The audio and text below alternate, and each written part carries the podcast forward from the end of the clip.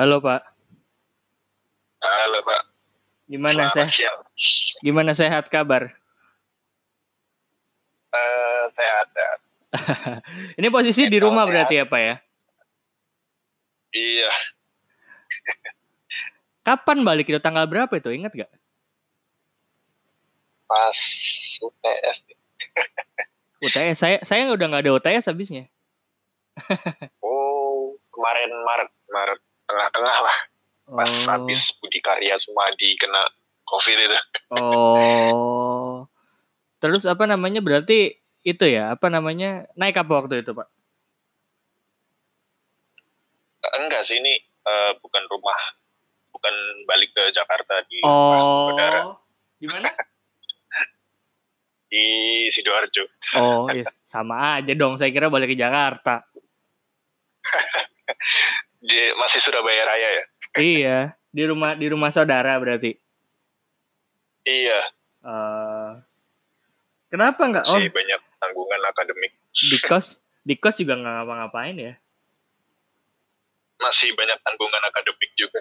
Oh ya. Gimana kuliah, Pak? Ini kan masih, iya kuliah, ini lagi UAS sih. Iya sih lagi. kemarin Senin mulai ya Nah, kemarin it- Senin mulai nah orang farmasi uasnya gimana dong? Pakai simulator Ya, gitu. lewat aula lewat aula kuis Oh, oh jadi teori semua. iya Terus yang praktikumnya ada sih cuma praktikumnya ada cuma ini praktikumnya cuma satu sih kayak simulasi simulasi menghadapi pasien dan segala terapi yang berkaitan oh enggak. Jadi proses praktikumnya enggak gini. Proses praktikumnya ini normalnya gimana? Terus sekarang jadi gimana? kalau yang semester 8 nih kan kebetulan praktikumnya tinggal satu ya Iya. kayak simulasi di apotek gitulah Mm-mm. Jadi di kalau kalau dilakukan online ya fine fine aja. Hmm. Cuma kalau yang semester bawah-bawah itu kan masih ada praktikum yang di laboratorium kan. Jadi itu menurutku sih jadi kurang worth it. jadi ribet ya. iya jadi wah macam-macam lah inovasinya. Apalagi semester 4 tuh kan praktikumnya ada 6 tuh di laboratorium semua lagi. Nah, itu Nggak gimana ngerti tuh? Itu gimana tuh? Bap- Bapak tahu nggak gimana itu yang mereka-mereka yang di bawah-bawah kita itu? Hmm, nggak paham.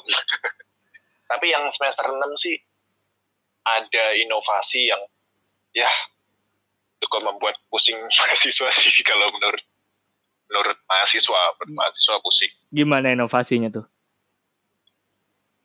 Apa ya suruh bikin jurnal apa gimana gitu. Oh. Kurang paham juga sih. Ya, berarti nggak praktek dong kalau gitu. Berarti tetap aja teori dong kalau bikin jurnal. Iya, kalau yang semester-semester bawah tuh jadi kayak bikin teori gitu. Hmm. Jadi ya otomatis kampus kampus kan ditutup juga ya. Jadi ya nggak bisa ngapa-ngapain ya. Iya, nggak bisa. Ya serba salah juga sih. iya. Iya, terus berarti kesibukan sekarang cuman masih kuliah-kuliah aja Pak ya? Kuliah-kuliahnya via online ya? iya, dan skripsian lah. Tapi ribet nggak? Ribet banget nggak sih Pak? Maksudnya seorang bagi so, mungkin kemarin kemarin saya sempat em, wawancara juga kan beberapa orang ada yang em, mahasiswa sistem informasi, ada yang mahasiswa pendidikan agama Islam, ada yang pendidikan apa? Itu kan masih masih teori gitu loh, maksudnya nggak perlu praktek. Sedangkan mahasiswa farmasi yang wajib praktek gitu loh hampir tiap hari, kan hampir tiap hari ya biasanya praktek ya. Iya, tergantung semester sih Hmm, iya maksudnya yang padat. Iya maksudnya nggak jauh nggak jauh berpisah dari laboratorium gitu kan apalagi gedungnya masih baru kan. Iya. Nah gimana gimana mahasiswa farmasi ngerasa ribet atau enggak gitu di kondisi kayak gini yang nggak bisa ke laboratorium lagi. Hmm, kalau dari kacamata aku sih, kalau dari apa ya, dari pengamatan aku sih, kalau misalnya semester 6, 4, 2 itu ya ribet sih ya menyesuaikan dengan apa yang seharusnya kita dapat dengan apa yang jadinya kita dapat karena pandemi ini. Cuma kalau untuk kami yang sudah semester 8 ini kan praktikumnya tinggal satu ya, jadi Hmm. dan praktikumnya ini tidak tidak praktikum laboratorium benar-benar laboratorium kayak biasanya, tapi semacam simulasi praktek apoteker di apotek sih kalau yang semester 8 itu. Jadi kalau yang semester 8 sih dari kacamata aku sih kalau online gini fine-fine aja. Cuma kalau semester bawah itu ada susah sih kalau menurutku. Nah iya apalagi kan ya gimana ya? Karena kan nggak mungkin dong. Maksudnya gini, em, orang awam pasti ngiranya eh, anak farmasi itu prakteknya em, bikin-bikin obat gitu kan? Dan memang faktanya kayak gitu kan ya Pak ya? Maksudnya bikin-bikin obat gitu kan ya? Iya, bikin obat terus quality control obat, Kan itu kan macam-macam. Nah, kan maksudnya bahan-bahan dari obatnya itu kan yang nggak bisa dibeli secara umum gitu ya. Iya, Hanya hanya dari pesan dari lab iya cuma toko kimia toko kimia sih. cuma kampus yang punya akses gitu kan. Em, kira-kira mungkin nggak kalau misalnya em, praktek gitu ya, bikin obat lah ya, em, awamnya Hmm. yang biasa dilakukan di laboratorium dibawa ke rumah. Hmm. Itu mungkin nggak? Jadi mahasiswa sendiri-sendiri gitu. Iya. Hmm, kan ada apa ya alat eh bahan-bahan itu kan juga kalau kita beli, kalau beli itu kan ada satuan ya paling satu botol tuh isi berapa gram satu Hmm. botol isi berapa liter gitu jadi kayaknya nggak mungkin juga kalau mahasiswa individu gitu suruh beli sendiri-sendiri ya udah rugi bandar sekali Oh iya sih, iya sih, iya sih. Pasti belinya nggak mungkin boleh dikit gitu ya. iya Dan bahannya banyak ya. Oke, iya iya sih, iya sih. mm-mm. harganya juga lumayan lah Iya, dan apalagi kan kita kan ya eh, mahasiswa kan udah bayar UKT juga ya. Maksudnya masa harus disuruh beli sendiri lagi kan juga ya beban juga ya. iya iya Nah, em, ini kan kita kan udah berapa bulan nih Pak ya. Bapak berarti udah di rumah aja dong ya dari awal kuliah diliburkan ya? Oh iya, iya. Kalau saya sih apa patok-patok aja. Apa namanya berarti udah udah berapa ya? Dari 100 bulan hari, bulan mah. 107 hari. Waduh, seben- beneran harus tujuh hari. Iya, minggu la minggu lalu tuh tepat 100 hari. Waduh, Kira-kira tepat 100 hari. gokil ya udah. Iya emang dari bulan Maret ya, Maret, April, Mei, Juni sekarang udah mau pertengah udah pertengahan Juni. Wah, Iya. gimana rasanya Pak? Wah, mana ya? ada sih kangen kangen temen ada nongkrong gitu ada cuma ya gimana lagi Iya ya, kita nggak punya pilihan juga ya. Heeh. Nah, terus kan ini apa namanya sekarang kan udah em, kita udah kayak ibarat katanya gini kemarin kita tuh dari bulan apa ya Mei mungkin ya udah ada pembatasan Hmm. sosial berskala besar PSBB. iya. Terus sekarang kan em, udah mulai dilonggarkan tuh hampir nggak ada. Kayaknya malah setahu saya cuman ada di Jawa Ba- setahu saya cuman ada di Jawa Barat aja deh yang ada masih ada PSBB itu pun lokal gitu nggak nggak seprovinsi kayak bias kayak biasanya. Apalagi kita di Jawa Timur ini Jakarta ada pak. Oh Jakarta. Transisi iya Jakarta. Jakarta masih transisi kan? PSBB transisi Iya. Em, di Jawa Timur juga kan udah mulai em, transisi juga mungkin ya karena di Surabaya sih udah rame pak di Surabaya itu udah rame ya kayaknya malahan kalau tidak salah tuh minggu lalu ya pas berakhir tuh beritanya tuh tiga kepala daerah itu wali kota Surabaya, Bupati Sidoarjo sama Gresik itu sepakat tidak memperpanjang demi urusan ekonomi. Betul. Iya iya iya iya iya. Em, saya pengen tahu deh Pak, apa namanya eh, di farmasi itu ada nggak sih yang kayak mata kuliah yang mempelajari pandemi seperti ini gitu misalnya, atau penanganannya atau gimana gitu? Oh, kalau spesifik pandemi itu mungkin lebih di FKM kali ya. Iya, kesehatan masyarakat mereka ya. punya mata kuliah, uh, mereka punya mata kuliah epidemiologi. Jadi dari data-data yang ada mereka buat permodelan matematikanya. Hmm. Jadi mereka jadi kira-kira bisa diprediksi itu kapan pandemi berpuncak, kapan pandemi mulai landai itu bisa itu lewat model matematika. Tapi kalau mau mendapatkan model yang akurat itu perlu tes yang masif dan pelacakan seluas-luasnya. Jadi Hmm. dari apa orang terinfeksi itu selain dites itu dia dilacak dilacak seluas-luasnya, kemudian dari orang-orang yang dilacak itu dites juga. Jadi ibaratnya benar-benar dicari mata rantainya penyebarannya gimana, kemudian diputus dari situ. Hmm, oke oke oke. Berarti ya, mungkin eh, farmasi nggak mempelajari masalah pandeminya, tapi mungkin masalah penanganannya gitu Pak ya. Karena kan saya Iya, baca saya saya baca berita berita berita internasional ya kan kan ini kan belum ditemukan vaksinnya tapi memang cuman vaksin ya obatnya atau mungkin atau mungkin ada cara lain Oke, Ah, vaksin itu yang Jadi, bikin entar lo eh, biar nggak salah vaksin itu yang bikin anak farmasi dong berarti dong Eh, itu sih menurutku multi multi multidisiplin sih. Eh, oke Mulai dari pengembangannya, kemudian proses awalnya, baru di akhir tuh yang pasti tuh pelolosan produknya sama orang farmasi. Pasti Oh. harus apoteker yang harus Oke, berarti- produk. berarti saya nggak salah nanya oke gimana pak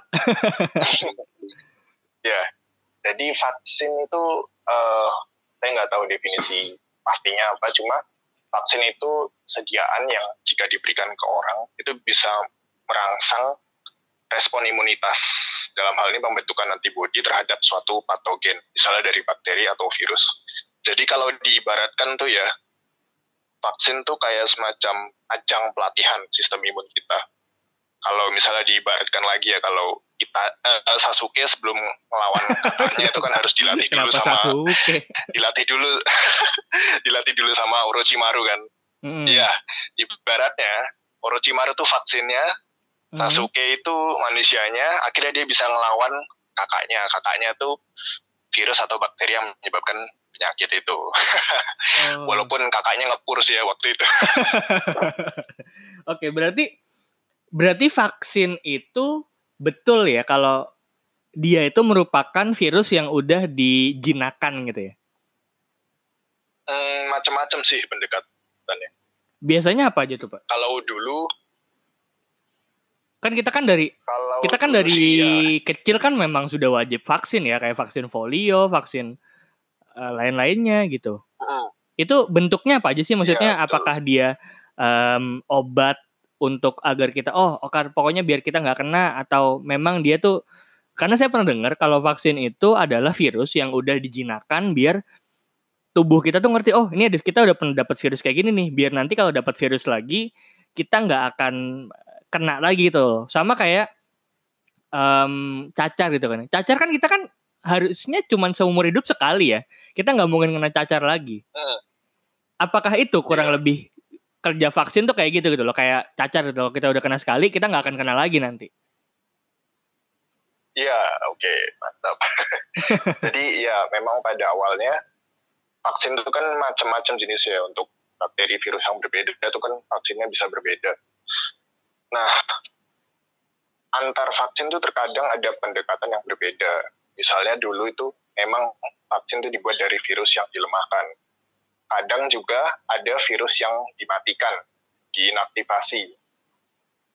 Kalau Hmm. dilemahkan itu ibaratnya tuh kayak apa ya kayak penjahat kelamin yang dikebiri mungkin ya. oke itu kalau yang dilemahkan tuh seperti itu. Tapi kalau dimatikan tuh patogennya, mikroorganismenya itu benar-benar dimatikan, kemudian disuntikan ke dalam, maksudnya dimasukkan ke dalam tubuh kita. Tapi eh, dengan berkembangnya ilmu, ada juga pendekatan-pendekatan lain untuk pengembangan vaksin ini.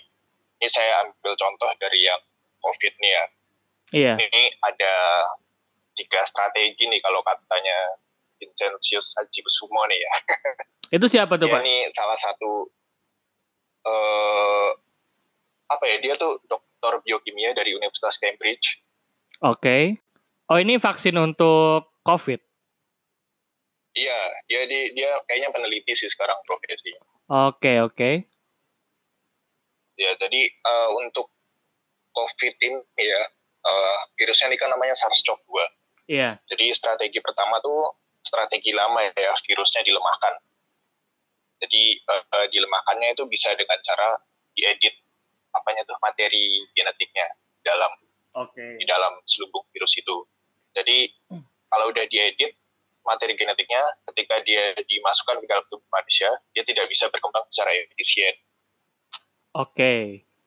Atau dilemahkannya itu dengan cara dimatikan dengan suhu tinggi atau dikasih formalin. Oke.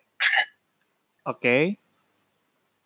Kalau untuk yang dimatikan ini, itu contoh artinya tuh campak atau polio. Mm -hmm.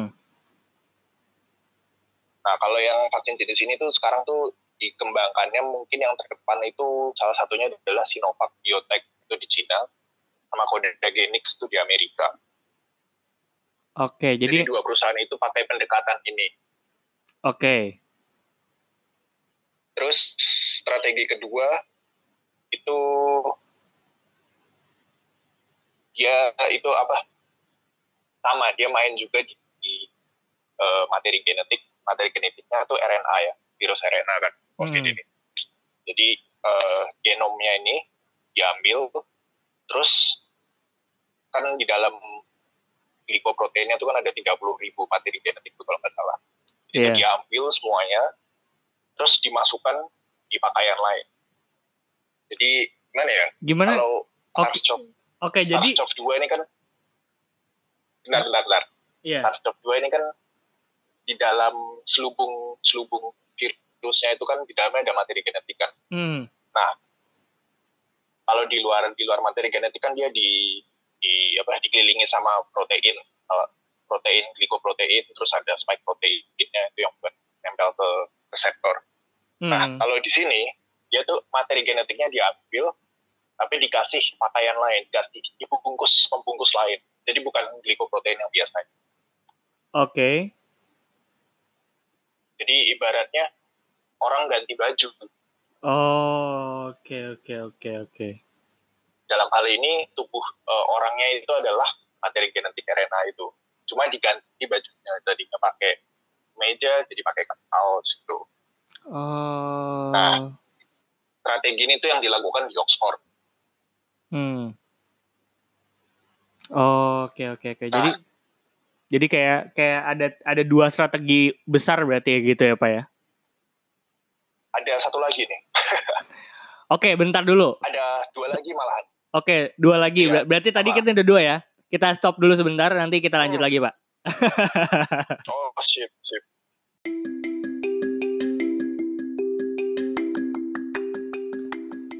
Halo semuanya, jangan lupa dukung saya di karyakarsa.com slash podcast bahasa. Kamu bisa dukung saya mulai dari Rp5.000 aja, dan dukungan kamu pastinya sangat berharga untuk podcast bahasa. Jangan lupa karyakarsa.com slash podcast bahasa. Terima kasih.